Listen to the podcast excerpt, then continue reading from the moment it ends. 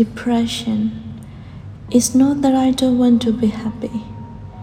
It's that despite how hard I try, I can bring myself to be happy. I feel suffocated, embraced, and ashamed. Why did I have to be this way? I have a great family, amazing friends, good academic records. On paper, everything is okay. Yet all I ever seem to see is sadness and gray. It's like this is burden on me, pulling me to the ground, and however hard I try, I can't bring myself out. I can bring myself to care about anything, not me, not him, not her. Living has become the constant nightmare and it's just not fair. Society will tell me to do yoga, go for a walk, listen to meditation.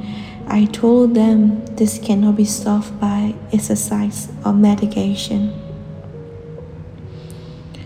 It's a disease that affects every aspect of my life, my work, my relationship, my education. And to this day, despite my best effort to explain, I am always met with blind hesitation. People ask me, Why are you always so sad? I tell them, I don't know. I don't know. But I do know is that I wake up every day, feel like absolutely shit, and that's become my norm. I am afraid of the world I am afraid of putting my guard down in the fear that I will be judged for something I cannot control. Where is the fairness of all? Do you think I like to watch myself falling into this hole of self hate, shame, and loot? So I hide them. I put up a wall that's so high you will never see my pain or any of flaws. I create this character and she's perfect. She's invisible. So I carry on living these two lives, one for public and one just for me late night.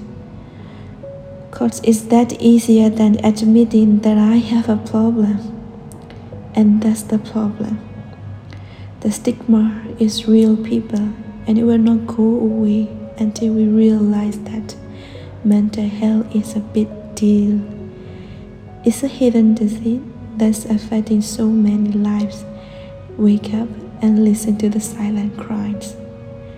It's a kid that never speak, or the guy who's always try, the woman who is too emotional, the guy who just got fired. Cause he was absent a lot he couldn't get out of his bed to do his mental health. But do you think any of his colleagues knew that? Of course not. Now you know, depression is the hell inside of me and how it eats me up daily.